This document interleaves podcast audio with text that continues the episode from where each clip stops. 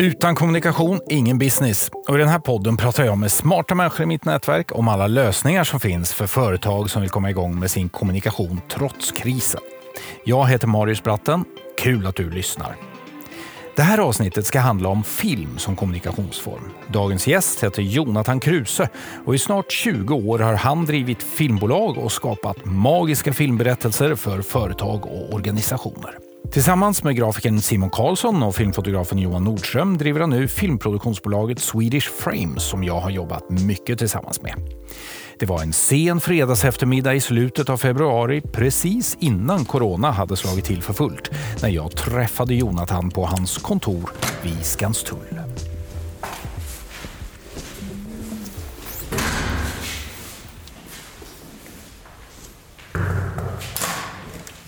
Tjo! Och jag har stått och väntat på min gaffa Ja. hur länge som Ja, det är helst. fantastiskt. Ja, Hur är läget? Ja, det är bra. Själv? Det var alldeles, alldeles utmärkt. Alldeles utmärkt. Har du jobbat färdigt för veckan? Ja, du anar inte. Ja. Du anar inte. Men städat? För din skull. Ja, det är bra. Redan vid Du vet tolv. att det bara är radio, det är inte TV, så det spelar liksom ingen roll. Men i alla fall, Vi började redan vid 12 tiden så att snart kommer snart kommer den. Ja, bra. Ja. Jag vet, inte, var ska vi vara någonstans tänkte du? Jag tänker att vi sitter i... eh, Det. Hej Jonathan! Hallå! VD för eh, eh, Swedish Frames. Vad roligt att få vara här och intervjua dig. Ja, jättekul att du kommer. Ja, du, vi ska börja med, vi ska börja med den första frågan är helt enkelt, vad är du riktigt stolt över just nu? Berätta. Och vad spännande. Jag, jag tog med den frågan hem, stolt. Eh, och så, jag ska ge ett sånt här knepigt, pretentiöst svar. Eh, man skulle kunna säga att jag är stolt över den och den produktionen, och så, eller den och den grejen vi gör, eller någonting, något problem vi har löst, eller någonting sånt där. Och ja, det är jag ju. Eh, men det är också så att när man summerar alla de här människorna som finns runt omkring, och de man jobbar med, de man träffar och de man inte jobbar med, så, så upplever jag liksom att jag och det, vi och det jag representerar är liksom välkommen i deras sammanhang. Och det är, nog, det är nog där min stolthet ligger, att jag får dela, jag får vara delaktig, jag får liksom vara med. Ehm, de är nyfikna på min riktning, jag är nyfiken på deras, jag får veta en massa saker. Jag är välkommen i samtalet och i tankarna och sådär. Liksom. Eh, jag vet inte om, om stolt är bästa rubriken, glad är en bättre rubrik. Mm. Men om vi pratar konkret i liksom Swedish Frames verksamhet för folk som inte känner företaget. Vad är liksom top of mind just nu? Vad är det som är det absolut roligaste ni gör? Ja, men då säger jag Vimlas reklamfilm. Berätta om den. Ehm, nu, ska, nu har jag tagit reda på hur mycket jag får berätta om den. Men Vimla är alltså en teleoperatör som bygger hela sin kommunikation kring en väldigt speciell visualitet med eh, figurer i jättestora papier-maché-huvuden, säger jag. Eh, även om jag inte vill att jag ska säga det. med någon slags här. De har en väldigt speciell visuell framtoning. Eh, och nu är en på banan och tapetserar hela stan. Och så håller vi på med nästa som ska Och ni har jobbat med Vimla ett tag. Mm, det här är nog femte eller sjätte filmen tror jag. Nej, det är fler än så. Ja, det är en rad filmer. De kom tillbaka till er. Vad är det de gillar? Att vi, att vi kan motsvara deras krav på noggrannhet. Jag har aldrig varit med om något så noggrant, i positiv bemärkelse. Ehm, det är alltså på nivån att de kan frysa en freeze frame på ett ögonblink och så säga att den där ögonskuggan, den var inte riktigt den färgen vi kom överens om. Och då säger vi, ja men då ändrar vi det. Är det kul att ha kunder som är krävande? Ja, För alla som eventuellt inte känner till Swedish Frames så kanske vi måste berätta ordentligt. Vad är det för bolag? Vad, hur låter pi- hisspitchen? Den där, den där som man ska träna på så blir Ja, fel i alla fall. ja. Swedish Frames är ett filmbolag och vi hjälper framförallt företag att visualisera sina produkter, tjänster, visioner, värderingar. Men ni har en USP också. Ni har liksom ändå en egen eh, ambition som särskiljer er från andra filmbolag. Berätta om Ja, den. det stämmer. Vår tagline är Swedish Frames Tales of Tomorrow.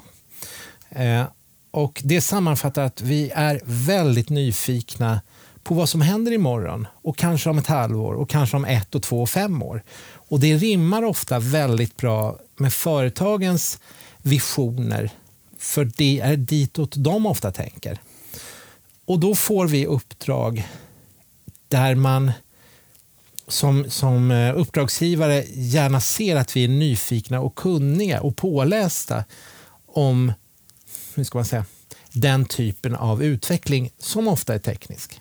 Precis, det handlar ofta om den tekniska utvecklingen. Och, och jag vet ju, eftersom vi känner ju varandra du och jag, jag vet ju att du är jätteintresserad och jättekunnig och insatt när det gäller den tekniska utvecklingen och utvecklingen i samhället i stort egentligen och vad det kommer innebära på sikt. Kan inte du måla upp lite grann hur du ser? Liksom, vad, tror du, eh, vad tror du kommer överraska oss mest om vi tänker liksom kanske tio år framåt i tiden? Åh, vad spännande. Alltså, jag, jag är jättenyfiken på det tekniska området. Men det finns ju liksom två sätt att se på det här med teknik. Att antingen att människa och teknik är två helt olika skilda domäner från varandra. Liksom och någon gång om dagen så sätts en människa vid en dator och då handlar det om teknik. Och där är jag nog inte riktigt i tanken utan jag tänker nog att utan mänsklig utveckling så finns ingen teknisk utveckling. Eh, Teknik och människa ligger väldigt, väldigt nära varandra och ju mer människan utvecklar sin teknik desto transparentare blir den där gränsen mellan teknik och människa. Och så tar vi några konkreta exempel. Ja, du, du råkar förlora ett finger och sätter dit ett nytt.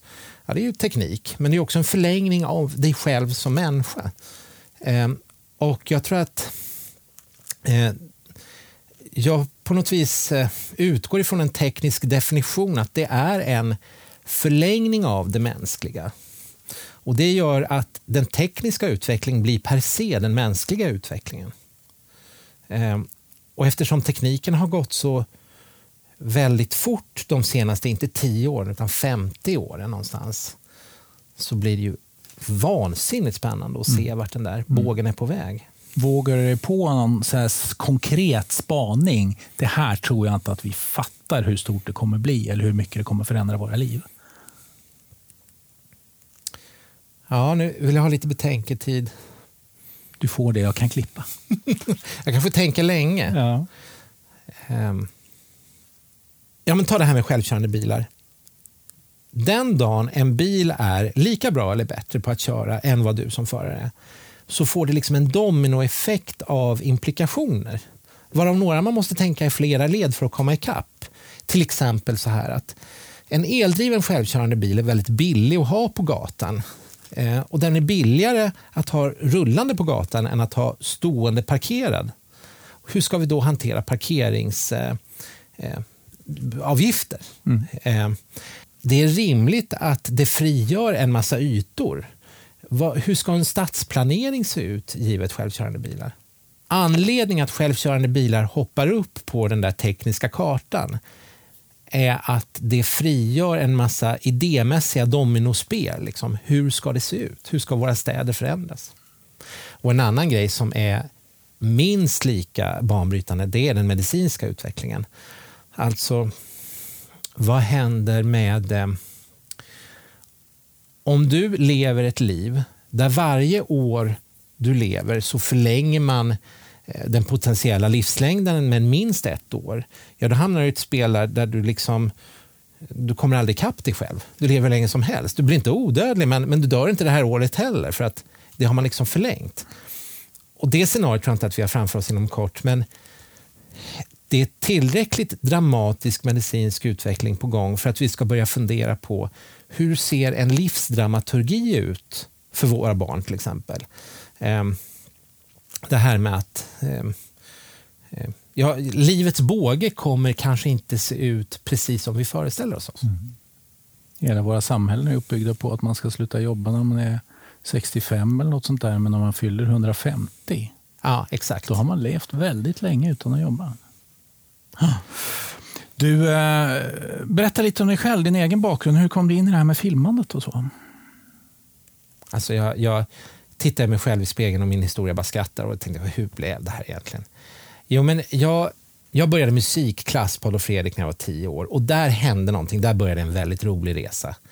Eh, och jag upptäckte att det var, det var väldigt roligt att göra saker. Jag tror att jag är kreativ som person och det är nog väldigt, väldigt många av oss. Och jag fick utrymme för det där så att jag började skriva musikaler.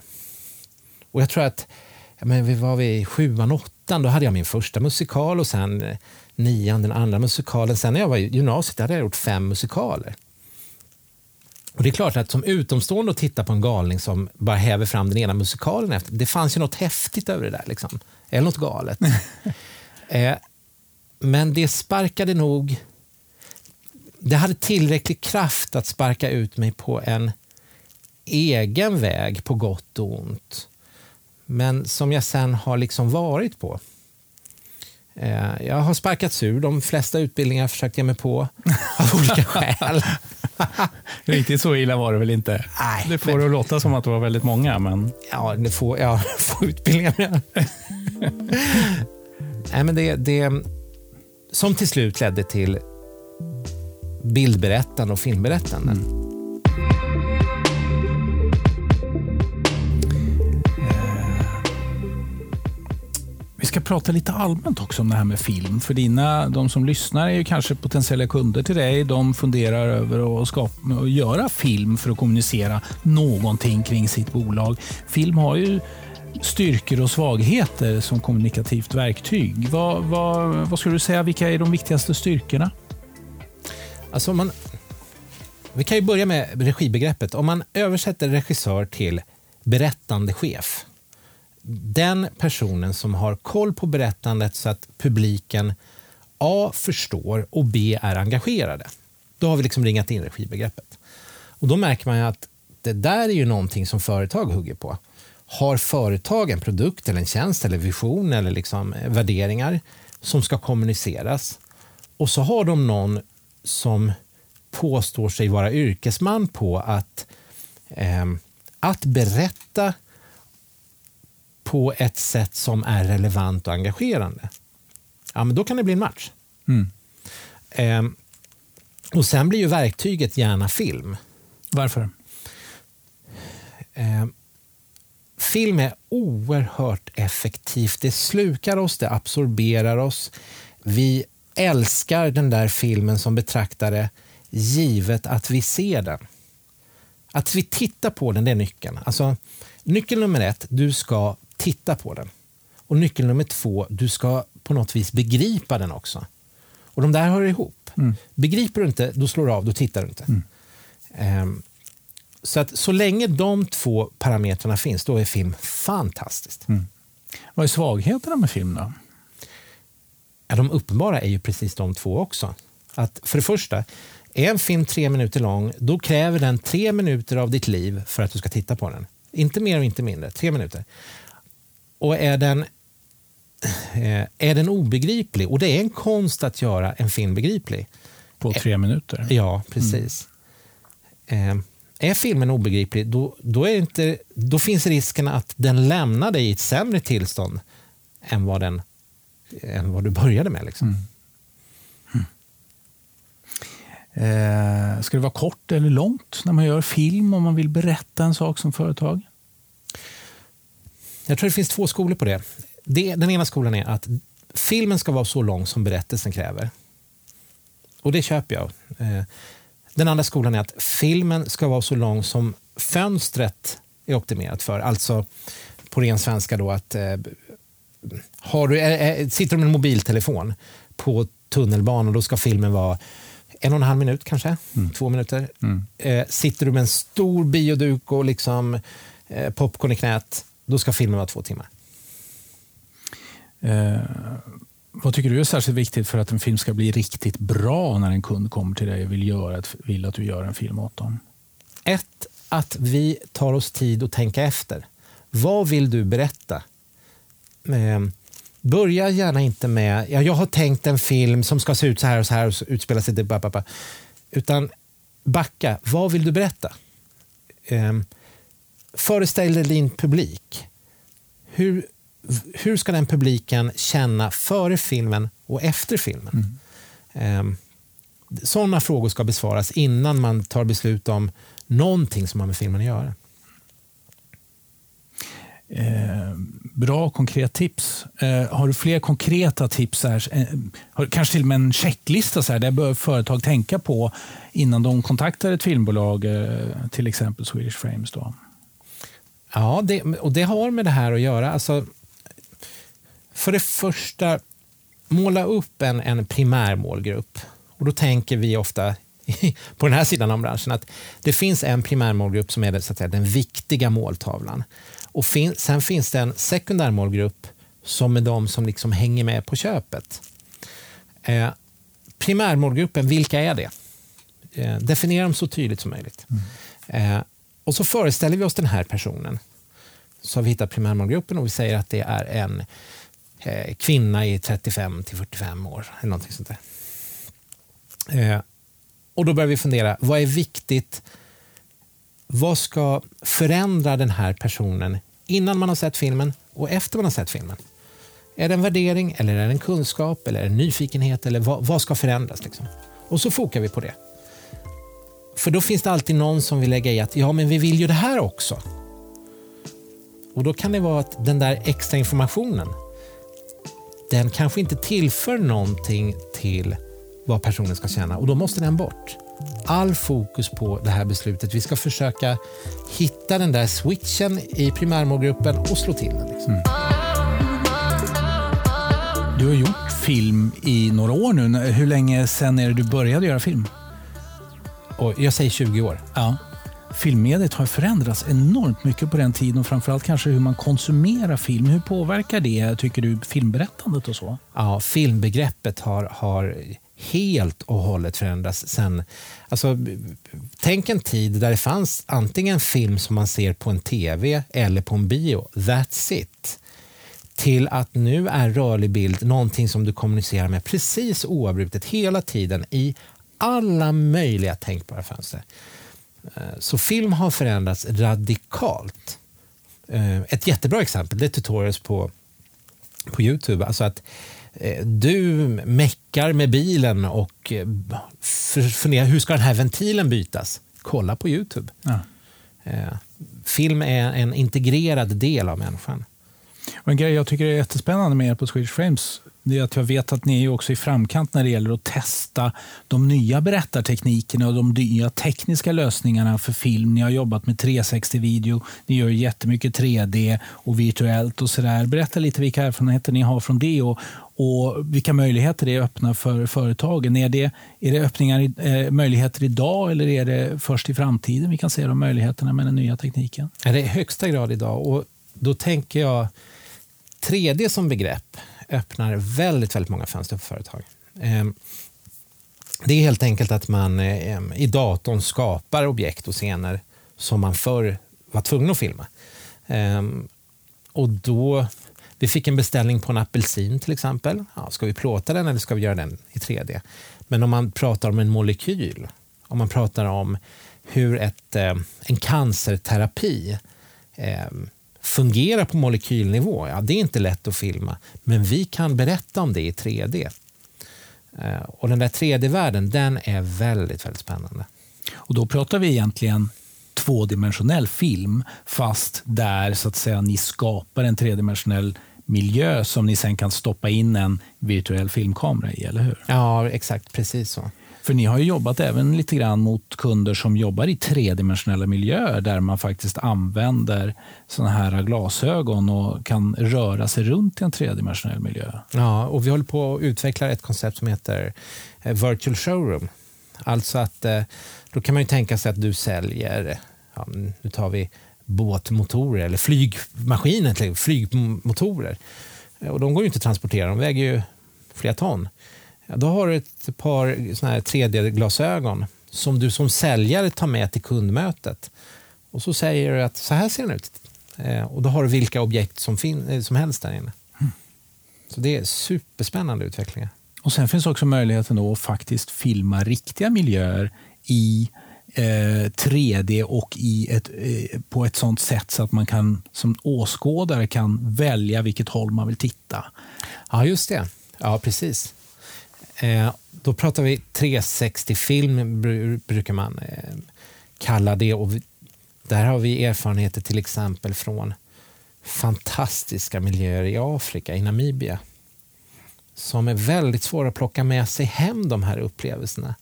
Där det inte handlar om ett linjärt berättande, det var det och det och det som hände, utan det handlar om en på plats-upplevelse. Och den kan man nu ta hem. att Kolla här, här, det här upplevde jag. Sätt på dig glasögonen och titta. Och Det där är ju någonting som man kan eh, titta på idag. Det finns exempel. Man kan se detta på, på Facebook till exempel. kan man ju se den här sortens filmer. Eh, men eh, när det kom för ett par år sedan då var det en liten hype. Alla tänkte wow, det här kommer förändra allt. Och Sen så hände det inte så mycket. Vad tror du? Är det, var det där, är, har det blåst över det där? Eller vad tror du? Nej, det tror jag inte. Jag tror att hela den här 3D-utvecklingen jag tror att någonstans handlar det om att man förbereder sig på att få upp mobiltelefonen i glasögonen. Så slutstation för den här utvecklingen det tror jag är när biltelefonen först hoppar upp i dina vanliga glasögon som ser lite tjockare ut och sen kanske till och med någon linshistoria. Eller någonting sånt där. Och så kommer vi få se en massa hybrider på vägen som fungerar olika bra. Och så. Mm. Är det ett riktigt alternativ för företag idag? Finns det, finns det lägen när du skulle rekommendera företag och säga men hör du, då gör vi en 360-film på detta? Ja, det finns det. Absolut. Det är explicita eh, sammanhang. Alltså, där det är en miljö som är svår att antingen transportera sig till eller som är svår att på något vis eh, förmedla till betraktaren. Och där det inte handlar om en, så att säga, en linjär berättelse utan en, en miljö. Eh, och då, ja, men, för, interiören på ett kärnkraftverk. Det är inte alla intresserade av, men det är definitivt inte hälsosamt att vara där. Så vill du besöka, eh, vill du besöka ett kärnkraftverk riktigt nära, då är 360 ett bra alternativ. Eller för all del, när vi jobbade för Unicef och träffade Espan som lever i eh, en, en namibisk eh, fattigdom. Att, att förstå hans totala brist på allting. Alltså det är en fattigdom som, som vi inte kan föreställa oss. Och i den kontexten att ta med sig den hem, titta själv. Fantastiskt. Du, eh, till sist Jonathan, vad är överst på agendan nu här på Swedish Frames? Det är överst på agendan just nu är att på måndag komma hit och animera tentakler som ska växa ur en mobiltelefon som ett monster och hugga en betraktare som står på de här eh, och tittar in i mobiltelefonen. Och det är jättespännande. Ja, roligt. Ja. Och eh, om man har lyssnat på den här podden nu och blivit mer nyfiken på Swedish Frame så kanske till och med har ett uppdrag man skulle vilja diskutera med er. Hur får man tag på er? Oj, vad spännande. Kontakta oss, vi tycker det är jätteroligt. Kontakta oss direkt på swedishframes.se och då gör man sig en bild om vilka vi är. Liksom. Eh, och sen så, jag heter Jonathan Kruse at swedishframes.se eller info at swedishframes.se. Eh, och där finner man all information. Men, men, ett besök på hemsidan, då känner man lite grann av vad, vad, eh, vad vi gillar att göra och hur vi kan hjälpa till. Kul. Tusen tack. Tack så mycket.